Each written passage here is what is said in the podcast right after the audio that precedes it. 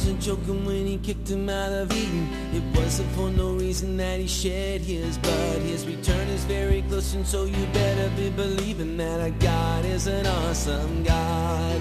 Our God is an awesome God. He reigns from heaven above With wisdom, bar and love Our God is an awesome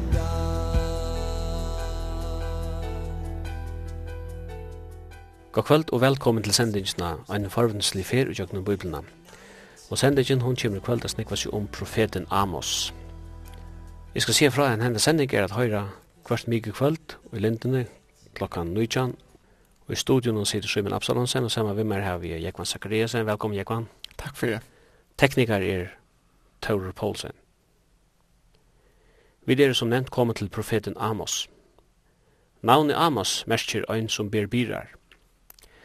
Profeten var attar ur luttel bygtene Tekoa av Judea fjöllun, stått fra Jerusalem. Samtugar profetar hans har vært Hoseas, som selja profetera i til Israel, og Mika og Isaias som selja profetera i sunnara regionen Juda. Starve tja Amas var fæhir, og han ville trei ut virkjenna seg som profet. Amas kom selja av virka i norrara regionen, medan i Roboam annar rotti og hesumparti av regionen og Ossias var konger og Juta. Tænasta profetsins var det stått kanska best omlai enn tvei år, og til hever omlai middelen åren 600 og 650 fyrir Kristus. Sambart samtøya søvna som til dømes 17 kongabok 14 hever hetta vir en giltøy boskabarlia fyrir Israel og Juta. Falki uppfædda i velferna som godsløn fyrir at de hevde liva som de åttu men her fyrir det størlige skøyv. Moraleren i landene var laver, korrupsjon eikjente valdsherranar, og avgoda durskane blomstræi som omgandi avur. Hetta var omstøvnar som finge god a senda falskjennom profeten ur Tekoa. Og båskaperen var fyrst og fremst vrøye og daumer. Utan omvending for tjóna genga til grundar, hetta var grøye bå Amosar. Amos er først og fremst ein domsprofeter, og tog ikkje bøynleis hoalir a lesa. Men alt Guds år er gagnlitt, og sannløgjen hever større tøttene enn det som ein leser innskir at høyra. Dómeren fra gode sambar Amos er fyrst lustir i bitjauernar, Syria, Filistarar, Tyrus, Edom, Ammon og Moab. Men Israel og Judan sleppa heldur ikkje undan sambart kapitel 2. Fra kapitel 3 til 6 avværa profeter i falsk. Øysen her sutja vid Guds anstikt fyrir taumon religiøsun ritualun, ta og hjarta ikkje vent mot god.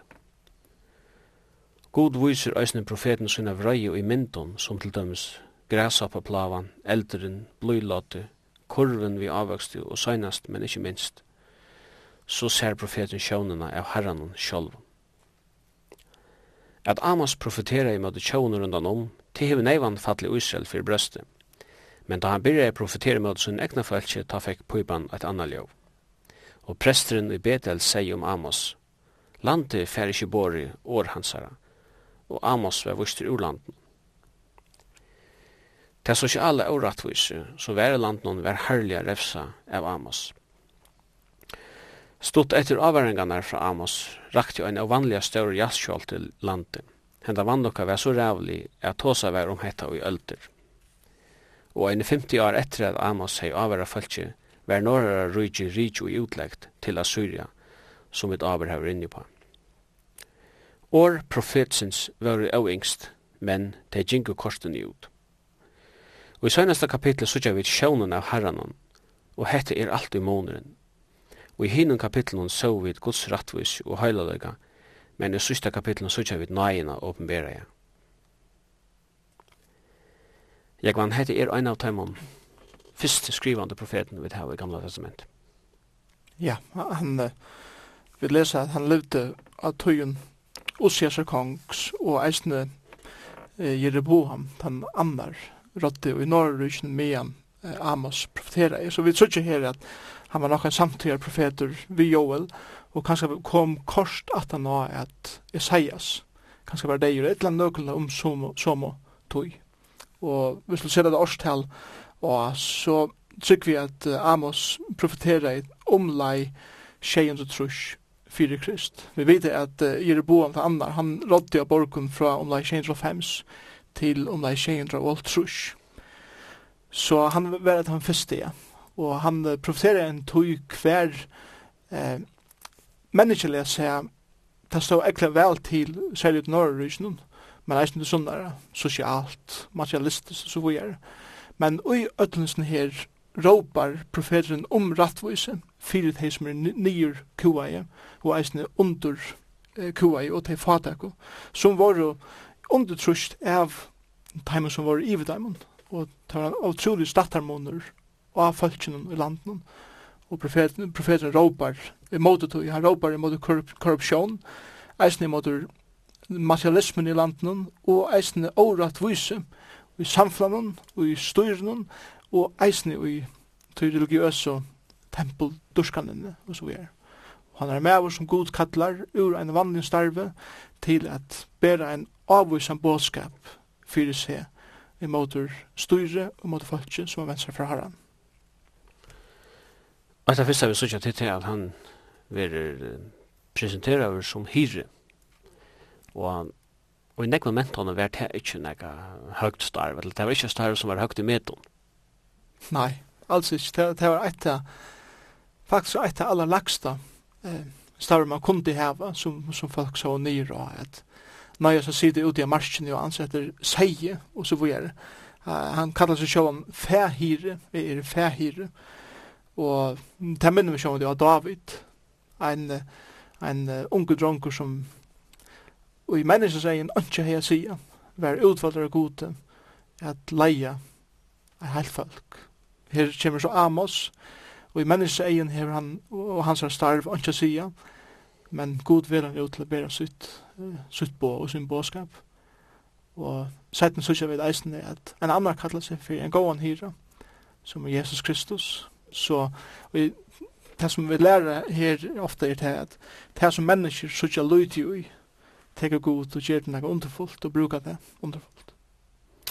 Langt i Egyptaland, det er jo selv for, for til Egyptaland som er jo flere, flere hundra år framåt, da leser man om at, at det som var her, det var i Egypten en anstig så det er lige i, i imiske mentan og lengt attertøyina. Men æsne, Jesus er samtøy, eh, vilja sövliga källor vi vi att en hyre hyret var ofta en sån som eh, brottsmän att han har såna såna straff och inte arbetsfinger så kunde alls det bara vara hyrar.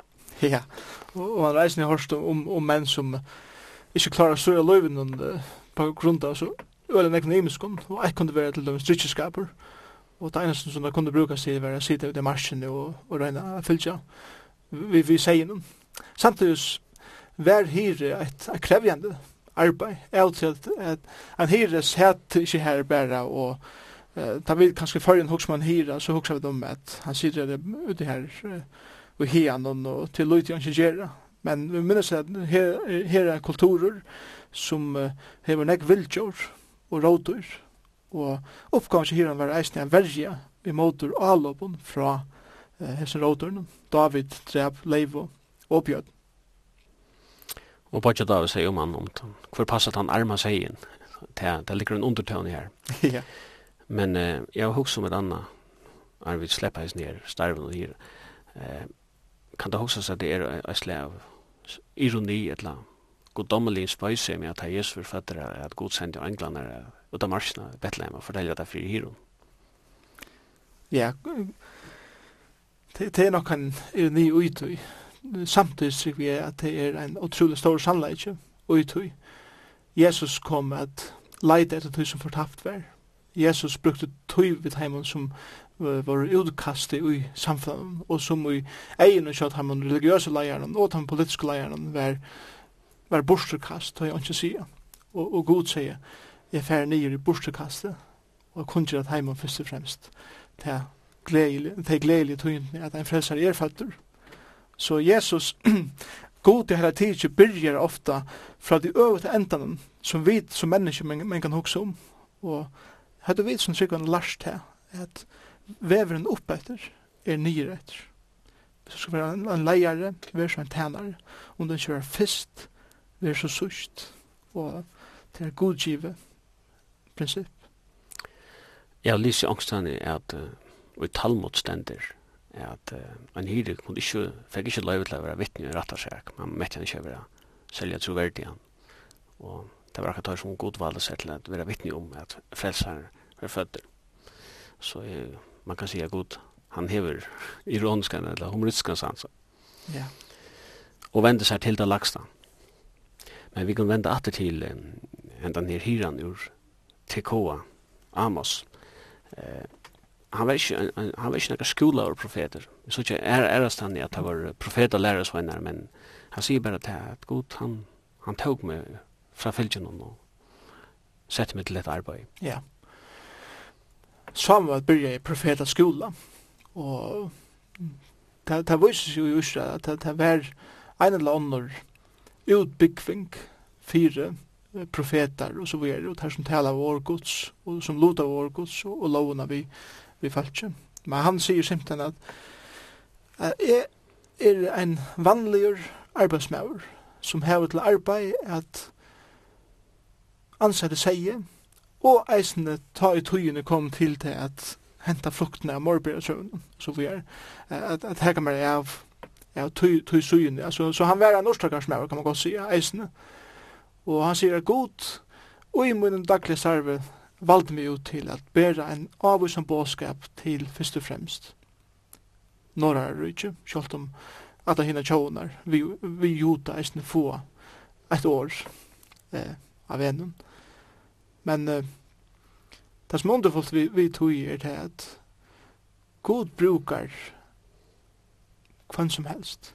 God brukar ikkje bæra som brukar bruka året til åkar, han brukar ikke bare folk som er utbyggven eh god utbunar god fröingar eller folk som har varit jökna imiskar imslö av träning rent uh, till lokus och så vidare. Han brukar tann som han vill och ta underfotla eisen er det här att ta i god kattlar ta djever han eisne evnen og han djever allt som skal til fyrir at ut innan til arbeid som god kattlar en til lukka mykje kvar man er. Da vi leser om Elias og Elisa, ta søkja vi dette her, hos begrepene kom inn, som heter profet og læresveinar. Det kommer øyelig ofte fyrir sammen med Elias. Og Elisa, og Elisa var jo en tænare tja Elias. Det ser ut som tar bliv uh, mer eller mindre skoleir for å bli profeter. Men det blir Amos ikke, han fyrir bare på en til døyda. Uh, ut fra hesen kan man godt si at, at, at uh, god til ikke nekka bestemt oppskrift da han utvelder sin ambo. Nei, til at samtidig uh, vil jeg si at, at at det kan være en frammegjør atter, at jeg har vært av profetskola, og, og jeg trykker at at du hikker etter båskapene av mengan som en, en profeter som er ut byggfen ber, er kanskje sindre annerleis enn en, en, en båskap som Amos ber beinleis til, til en situasjon hvor han taler mot korrupsjon og så videre. Og tror jeg ofte man hoa sier at, ja, men altså, er det grunn til å fære bibelskola, så er det noen grunn til å være at bruka tog og granska evner og sånt, så er det ikke nok bare god kalla det og så videre. Og vi drøyna oppmuntra folk ikke, å fære bibelskola, å tega tog til at jeg ser det inn i skriftene så videre. Og jeg jeg sikker at uh, til dømes hvis du tega en uh, elektriker, at man fyrir ikke at bia bare ene kvann kommer at, som man sier, veira, husen kjallar oppa, men at man byr en som er, en som er elektrikar. Vi vet alt kanskje du at rekvan bad, men ikkje ein hver dora styrir enn kipe, som, som hever nekvar imiska greier på brunni og sånne. Så, så ofta um, tar det kjemer til eh, til dømes undervisning av avvisning evnen, så er det godt å kunne ha brukt tøyene til å fyrrekast til at, og enda mål vi undervisning er at at gjør ånden klar til at ut av tænasen som vi er. Og vi sier at det er i nødvendig testamentet, et prinsipp, eh, ta i god kattler, og han gjør eh, sankommende apostlar og lærere og profeter, evangelister og hyrar og så videre. Fyre at det heile kunne være gjør fullkommen til tænasen versk. Så det er kanskje som god sier at jeg djever mannen og, nøkron mannen og kvinnen, når jeg avviser gaver, fyrir at hei vidt heim gaven og vidt tøy utbyggving og tøy tøy som hei brukt ui en her kunne hjelpe øren at gjerast involvera i ui tjenestene, så at alt likamme og alt sankumann kan være oppbyggt.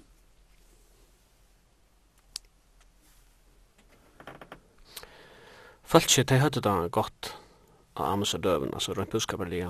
De hadde framgångt, og de gikk vel, og de oppfattet jeg, og jeg vet det her, som eh, Guds virkjenning for at de levde som de åtte leva.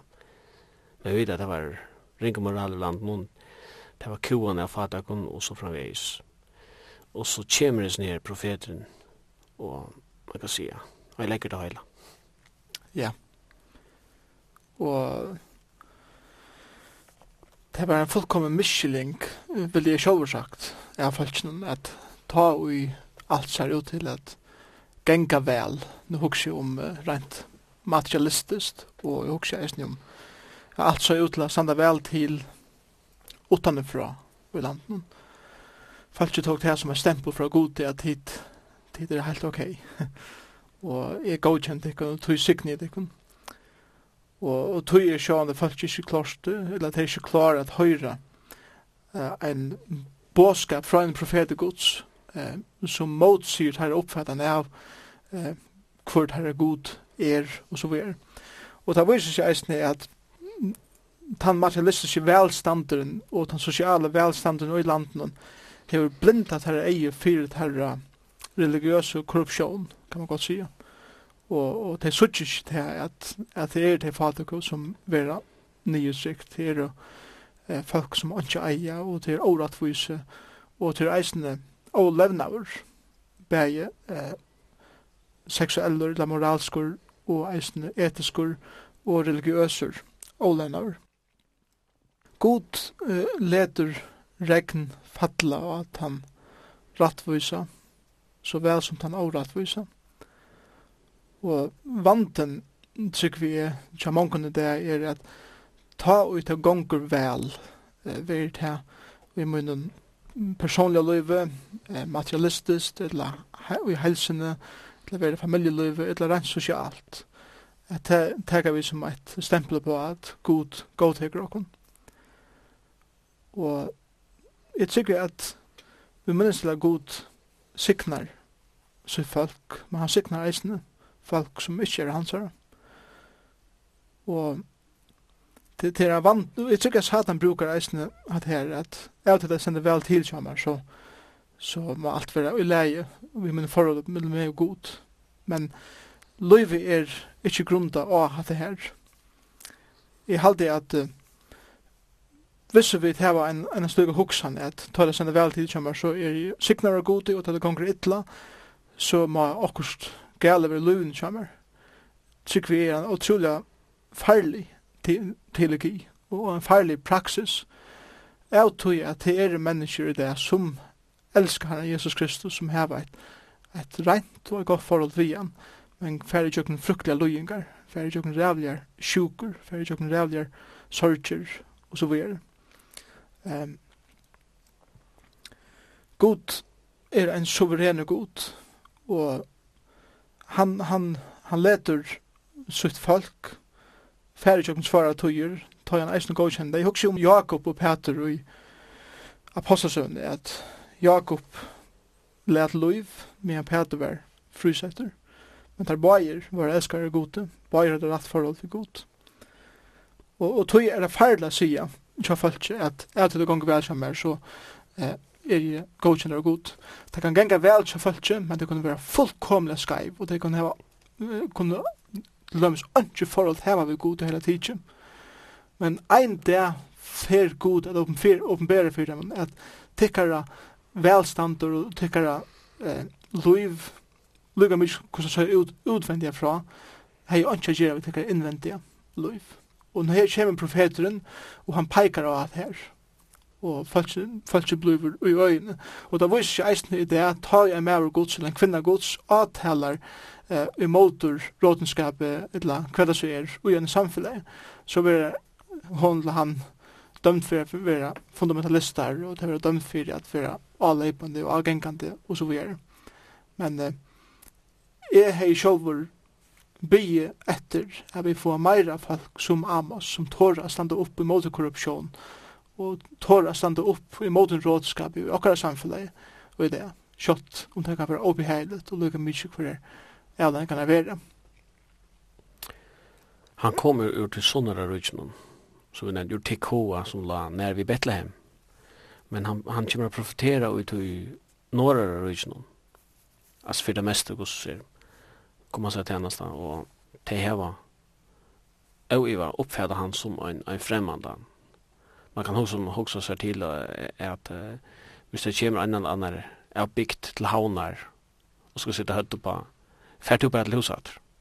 Här kan så vara profeter. Det var akkurat det så att vi Ja, det var akkurat det så att vi igen. Släpp det hemåt.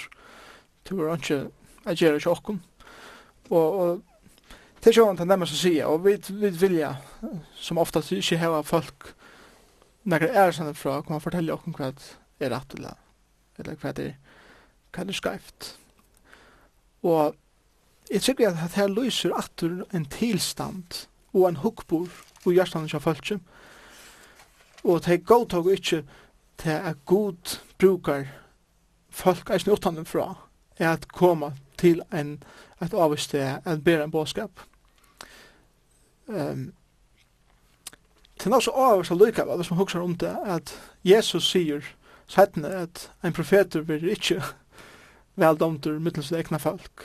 Og så til alt kommer til alt, så trykker vi at grunden at, eller, eller grunden av folk reagerer så svær på en måte ikke til at han var enn er kjenne fra. Grunden til bøen fra heima til vært han at de tålte ikke høyre det som de velja, eller yngst høyre. Og det var det som gjør det at de sødde vi han, sleppte vekk altså. Men hvis det var en, en, en av de egne profeten som gjør det samme, så trykker vi reaksjonen i eisne verre at du hører ikke, jeg sier åkken her, sleppte det her som du, sleppte alt det her tid som du komst fra. Ja, vi kunne kanskje lese at han stendur her til kapittel 6. Ja. Eh, det är alltså Amos som huvud bor sin profet var fram och tej hava ikkje falt noen, og særlig ikkje presten under Betel. Så stendte menn Amasha, prester i Betel, sendte Jeroboam kongi i Israel bo og la sia.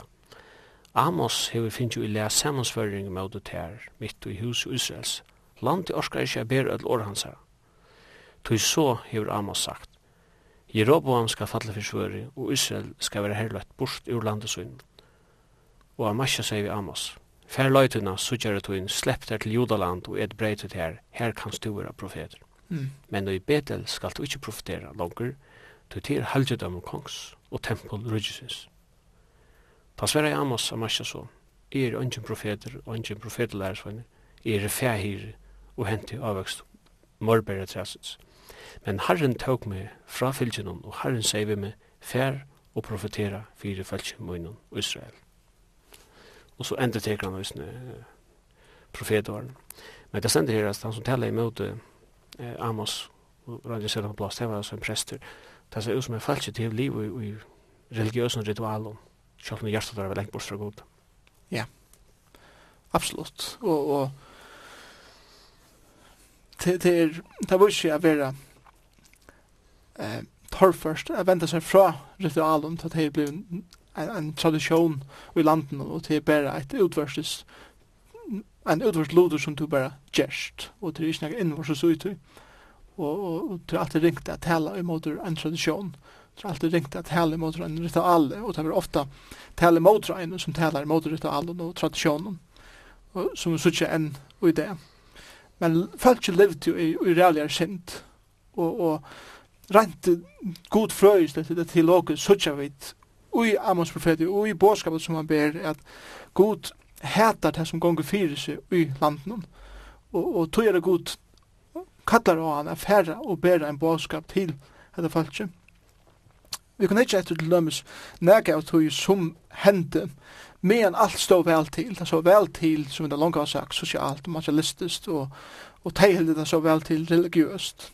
Men vi sørger i øren kapitlet nekka av det som hendur, det som er avhåverst, er til at nekka synder som god nevner i jøkken Amos profet, er jo synder beinleis i måter til som var skriva i Moselov. Nu folk ikke heldig halda lovna, de halda at de er røtti for god i sinne god diskan og så vi er. Men jøkken profeten for god av vise at tid bråta lover som tid halda, at tid halda. Men vi sørger til dem i øren kapitlet, og vers 6 ut etter.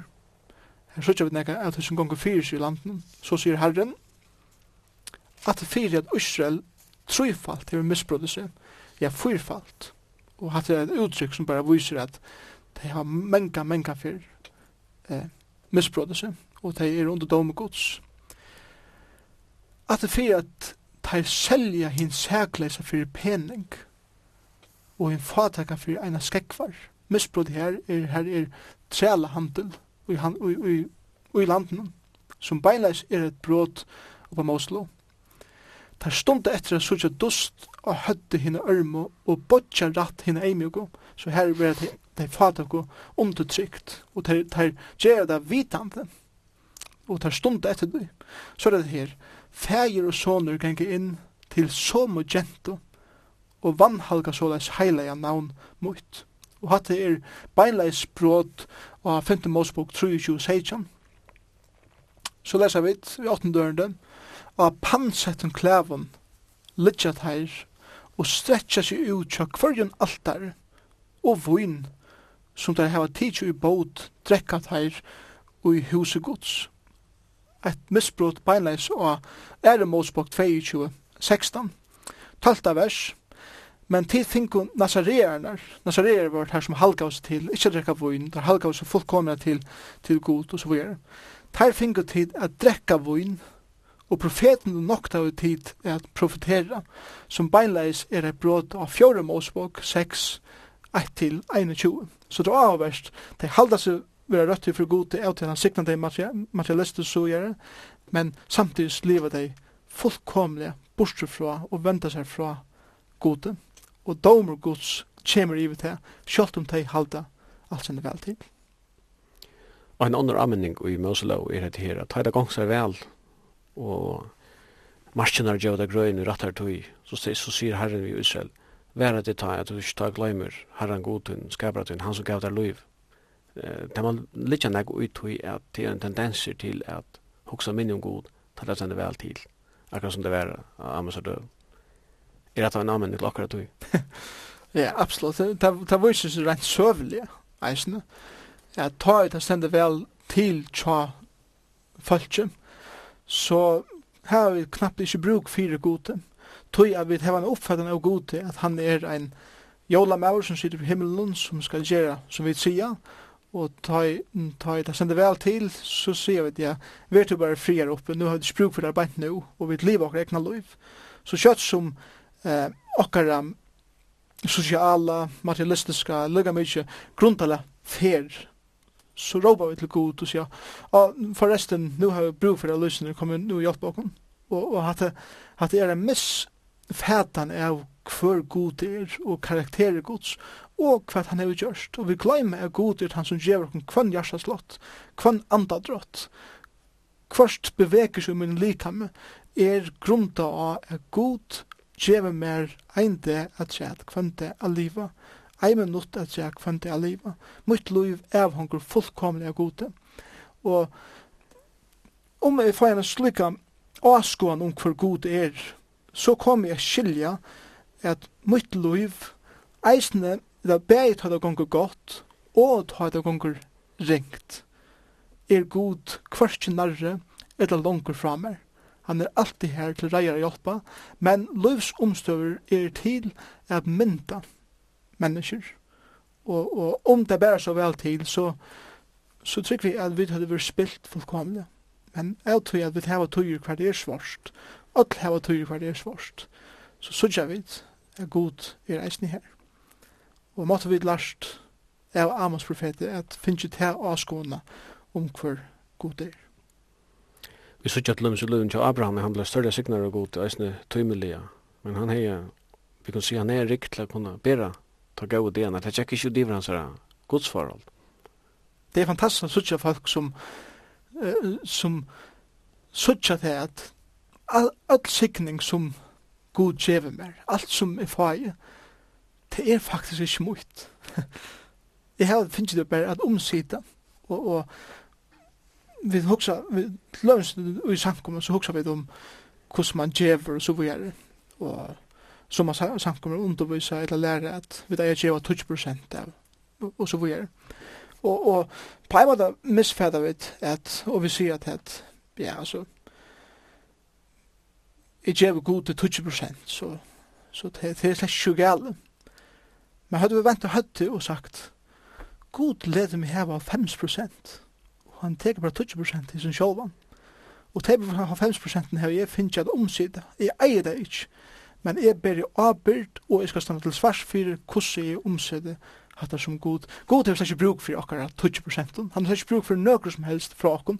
Men jeg sikker at god har givet okkara at det her, eh, at det her eh, fyrir at vi skulle læra det at alt som vi hava er fra gode, og han, og han gjør det her for jeg vil minnast og ikke gløyma, til jeg vil ha så utrolig lagt for at gløyma hver alt kommer fra. Hvis vi vender alltid til profeten som ble smittet av husater til Israel, over Israel til Judarøyge, så sykja vi at han hei profetera øyla refsedomar iver Israel, og det gikk ikke lengt tog så var assyriske herren iver Israel, og alt han velstander öttan EU-flow som de hade haft hon blev knappliga till en arme och det blev för utläggt och öja nekva att de blev driven. Vi tar vi inne på det för att Assyria var ett av mest barbariska och ociviliserade herrafalser som existerar alltså när samtid. Falt ju i Israel hade alltid rockna vi att landet närgande för och utläggt. Och till avavers kusse god brukar eller brukte bæði Sajas, Joel og Amos, er ikke hennar domen. Og, og det som sørger profeten, det er som heter fyrreisende, er det at tar profeteren, han, han, han brenner for sin sæk. Og, og til underfot av sørger taler som vil brenne for sin sæk. Og, og folk som sa til ham, tar vysa av eh, søvelige bakgrunnene og korrupsjonen i landet og vi Guds egen hittar der under iverflatene tar hitje inn om skæli og sånn etjen som ser så pent og nostelig ut utan men tar så ikke under og tar hitje etter rådenskap som er, og tar sier hattar og hattar og hattar, hæser avvis lutner fordøme god, og han fyrir gjerra til vi, om det ikke vender vi, eller at dom kommer i det kom. Falkje, rent søvlig, jeg teker ikke hans i årene av årlet, og tar hitja til sin omsøvn og sier meg, her stender jo alt vel til, så alt man var leie, inntil knapplig, så hendte nega, og domer gods ræplar om man livet deg. Og det var det som hendte i 22, Amos profeterar om lei 22, her lei, og var 22, nokre år settene, hendte det til at Assyria kjemur, og det fører Israel og utlegt, og det var en rævlig uh, utlegg som det fører i jøknen. Det høyde hukar a krøtja fölkjene, vi, hver a drasshodar atna, atna hestenum, tar tåko og, og skóru huvene av fölkje, lærde ut i solen a brenna, eisen øyste dei salt i sarene, og så ver, fyrir at tøyna fölkjene som nek som mølet. Det er fysiskur terror, og det er fysisk pyning, men vi må ikke gleyma til at Mævur var skilti fra, skilti fra kona, kona var rand fra mannen, Bøtten var rann fra foreldren, foreldre fra bøttenen, og det var ført og kvørset hera sånn, ut til syriska rysen. Um, Hedningene som bo i Syrien, flottu inn i Guds land, kan man godt sige, og, og som gjør det til at heie blå, saman med jødsen blå, ble blanda saman, og, og så rævlig å være dom og gods. Og, og det som vi lærer her er til at god avværer, og ta god sier når jeg fer at henta, og folk ikke tegla vorlet, så ver konsekvenseren rævligur, og det var det som hendte her i Amos, i Amos eh, profeten. Båskaperen var en verlig båskaper, vi en, en, en verlig avværing, og av til det ikke lurt av avværingene, hendte det rævlige, som sagt vi er skulde hendte. Ah, Jesus er samtidig, jeg leser meg til dem som et folkekastet som kalles for samverjer som bor mitt i mittlen Galilea og Judea, og som jødar ikke var særlig glad for. Ja. Det er jo at det var et av de folkene som var tvangsflott av syreren enn 600, 600 år sammen undan ja. til Israel. Og, og det var nok røstlet av utleggene som vi just har tås om. Tog at, og det er så at det er det, ja, stadvek, at ta i eh, imes slø av etniske bølgen flyta saman, a bygg vi saman sted, så sjående giftast dei vikvarn øren, og så videre. Og, og hese imenske blå rasen der, vil blanda er saman. Og det var det som hendte i, eller vi hendte vi samverjum, selv det var et navn som det finnes heitene, det var jøtar som hadde heie blå i seg. Og det var tog at jøtaner i Israel heta av samverjar Og vi leser i Johannes 4 at en jød jo ikke samfunnet vi samver. Og vi leser eisen da vi vet eisen om at ta jeg en jød skulle fære fra Juda, eller Judea, opp til Gal Galatia, så får det ester om Jordanana, oppkjøkken Perea, og så vester om at Jordanana for å komme inn i Galilea, for jeg ikke fære kjøkken Samaria. Og grunnen var han at det var kallet for hundar, det var ikke fullkomne jøder. Men en annen grunn var eisende rent religiøst. At ta vi falsk og kom i atter, så bygde til Norge rikki et annet altar for å kunne tilbya god og så videre, og til, ta gav dem skyldene for at, at her var godar og så videre. Så det var nek som var her. Jesus, tar han ferie i snorra, til for å bante jøkken Samaria. Og han tar seg til dem, så vi samversk kvinnerne vid brunnen, og han brøtte, og omvelte henne av liv. Og for Jesus heit det ikke å si om ein vær heidnugur eller jød blanda blandavur. God kjer ikke mon av etniskum balkum. Han elskar et menneske. Det sender enda han måtte fyrir, eller han nøddes til fyrir kjøkken samarina. Så man kan si at her det politiska klimaet og det etniska klimaet som vi er i de heilige landene av Jesus samtidig, det er østelig av ting som hendte ölder fra man undan det var rent sövligt urslit, ja.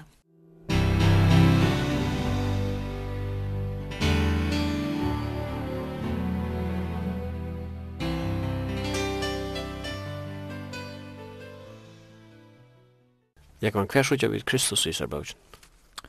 Ja, vi sutja sjåne Kristus, eisen ui Amos bok, som vi da sæne i til hinnom, boken ui bæje gamla og nødvendig Jeg husker om uh, titlen som uh, Amos ber, altså navnet Amos, men ikke en som ber byrar.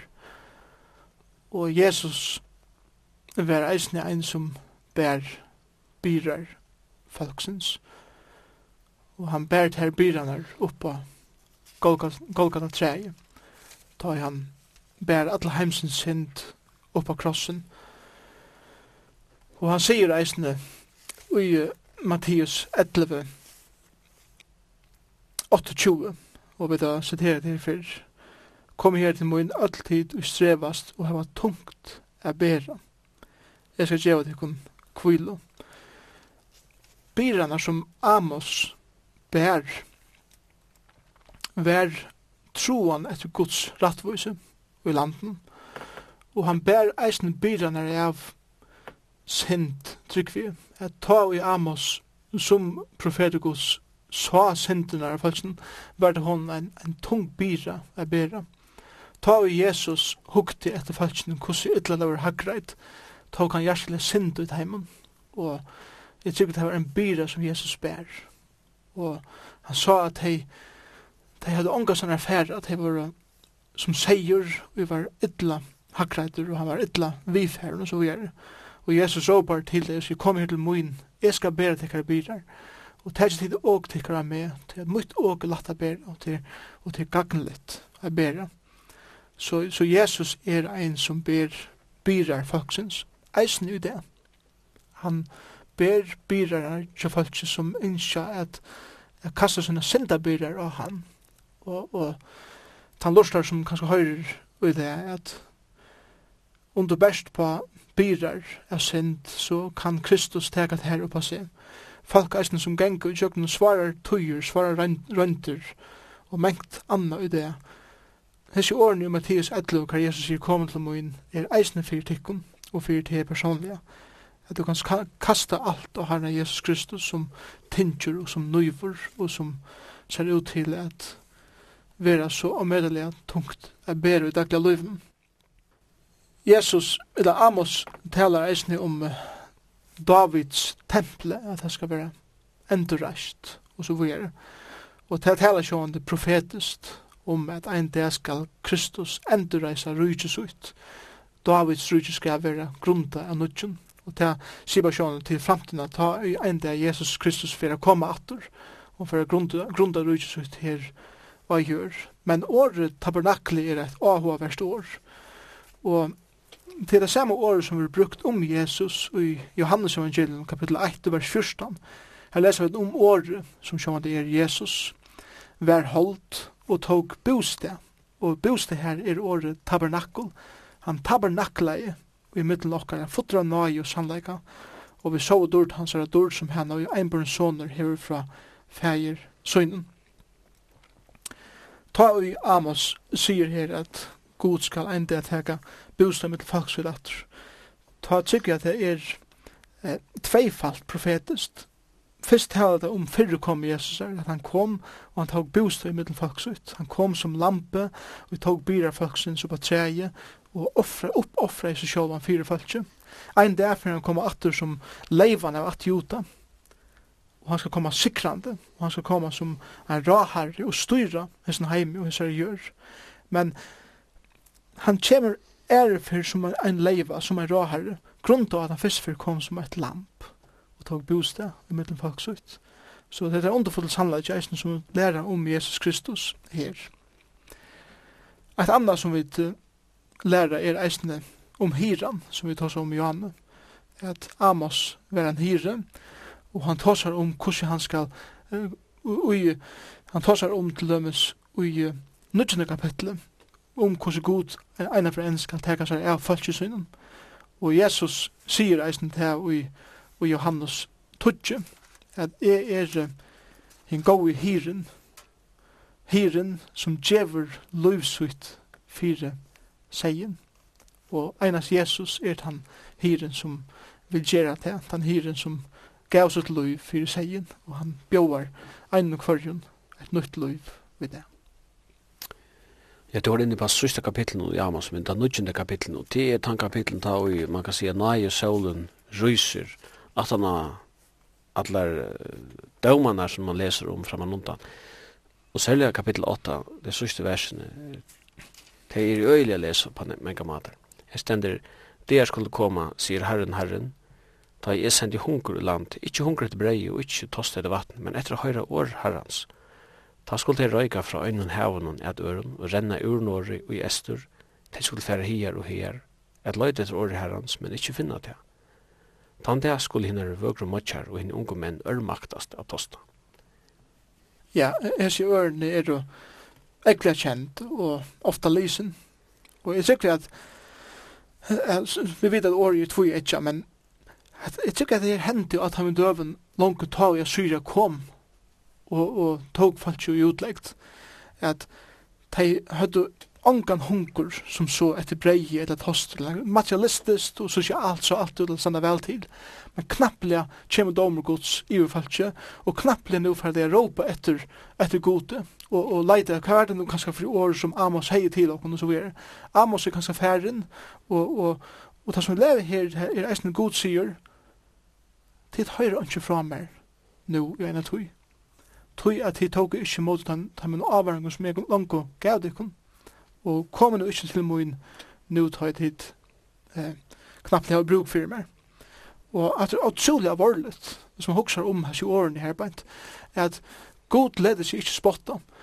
Og ta jeg vidt, eisen ennå det, så jeg, jeg vil ikke bruk for god, jeg vil ikke hoa høyre år hans, nekka som helst, så kommer akkurat inn i løyvåkere, og vi knappt røyna ta og leite til gode, god sier, Bøya sinter her. Tu vil ikke lusta etter mer, og tu høyr heller ikke fra mer nu. Men så lukka må vi teka til ljósene av båskapen som kommer settene, at God er alltid nøyrykker, og han kommer atter til stier og viser sinne nøy, og viser sitt ljós, og viser falsk hva vi de skulle færa.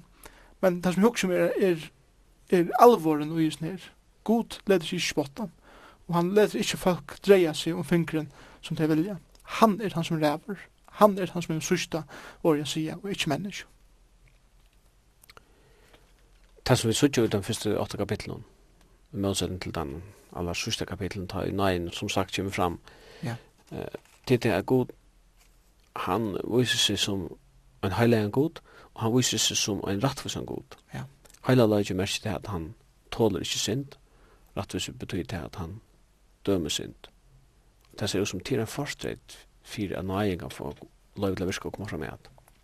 Hvis jeg heiler det ikke gods, ikke vært til stier, og, og domer gods, eller rettvis gods, heller ikke vært til stier, så har du ikke vidt hva nøying er. Og av til god er heilaver, kan han ikkje sutja synd, han er anstikt fyrir synd. Av til god er rettviser, dømer han synd, og dømer atla synd lukka mykje hvor synd det er. Men god er eisne nøyrugur god. Nå, ein miskylling som ofta fer fram tar vi tås om nøy gods, så har vi ofta hod til halda, er at god er nøyrugur, så ser han kanskje heilalega søyn og rattvisøyna til suyis, tog er nøyrugur. Men heilalegin og rattvisøyn verir balansera vi, vi nøy.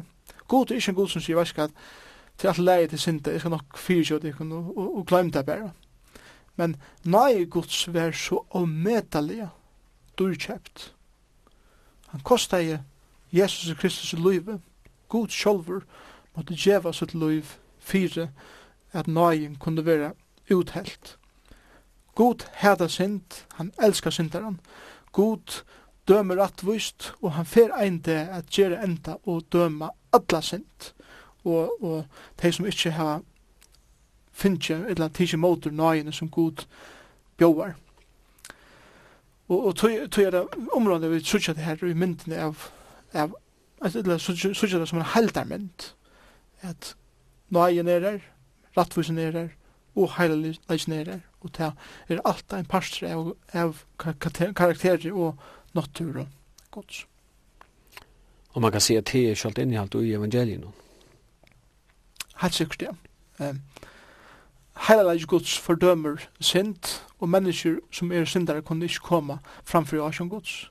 Rattvisen er til at vi er fordømt til et avfortapelse, men nøye var til at Gud sier at jeg skal møtes rattvisene og heilaga munnen vi at gjør mitt egna liv, tog jeg menneskene kan ikke, og nøye som var så mykje stor at han sier at jeg skal teka tikkere sted og bjóða tikkere et avut liv, men han som ikke teker mot hysen av i han sender en som en syndare under rattvisa dome gods til evangeliet. Og nei, han, han har så gjørt lømmes i Rambran 5 og 1, at det stender så er ta angen fordøming for de som i Kristi Jesus er, ikke tog at de som i Kristi Jesus er, har vært bedre enn andre mennesker, men tog det er jo i Kristi Jesus. Akkurat. Og, og vi leser her i eh, Rambran 5 og 8, at at Gud elskar menneskene så høgt, at med at enn våre syndere døye Jesus fyrir okkom, så, så Gud sier at, at et her til mottrykken akkurat som det er Jeg tar ikke måte i stande vi åpne armen lykka mykje hver du erst, lykka mykje hver du er gjørst, lykka mykje hos livet kjørt det ser ut, så elsker jeg det, tog jeg nøye min er som så omedelig stor. Jeg krever ikke at du skal ha perfekt liv, jeg krever ikke at du skal nå en avvisan sosial standard, jeg krever ikke at du skal leva en syndafritt liv, tog jeg at det kanst du ikke. Et menneske kan ikke ombrøyda seg sjalt. Eina god kan ombrøyda et menneske. Og tog sier, Paulus sier i, i Rombra 5.8 at med av den var syndare sier God, i elsker dere og jeg skal senda Jesus Kristus at dodja for dere som syndare fire at de kunne vidtrykva han få at dere synd vidgjørta og avgreita og fyrirgjørta Vi er vi å komme fram til endan av sendelsen til åkken som hever snusi om profeten Amos. Han var som sagt hire ur bøynen Tekoa og levde fyrir 800 år siden. Det er langt tog, men skriften er sånn, det er tale enda det og det. Jeg vet ikke om du har noe at det tror helt sørst. Ja, kanskje bare akkurat helt stort.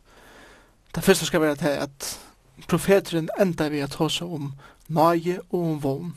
Og han enda sine profeter vi at si at ui øtlensen her hever god en underfotla atlan vi tikkun som mennesker og som folksutt.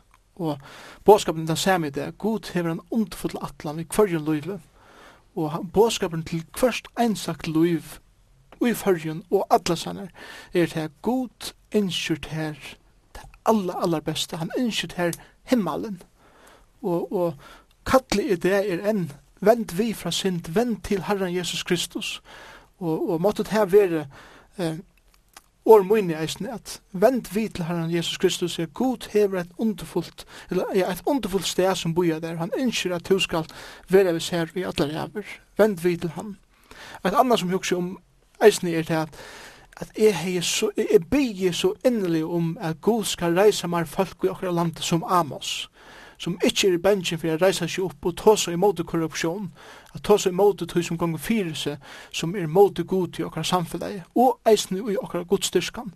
Jeg vet ikkje, jeg vet ikkje er bensjen for jeg køyra tungna mitt munnen og sier, såleis sier Herren eisen i okkar folk.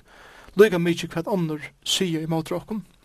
Og det sier, og det sista som jeg skal si er, at god brukar en vanlig mann eller en vanlig kvinne et løyte baden, eller en gamla kvinne, eller en gamla mann, at utinna sitt arbeid herra gjør. Miss ikkje måte, god brukar te. Det er nek som halte at jeg kan sløyte, jeg doer så løyte, men det er godt. Og god sier at det passar, men jeg kan bruka det til nekka størst. Og om vi er trygg ut til luttla og ut til små, som kanskje mennesker kallar for smått, det er størst for god, og han skal gjøre det til nekka underfullt. Og vi hesen åren så færre vi at takka fyrir okkur linden i her kvöld.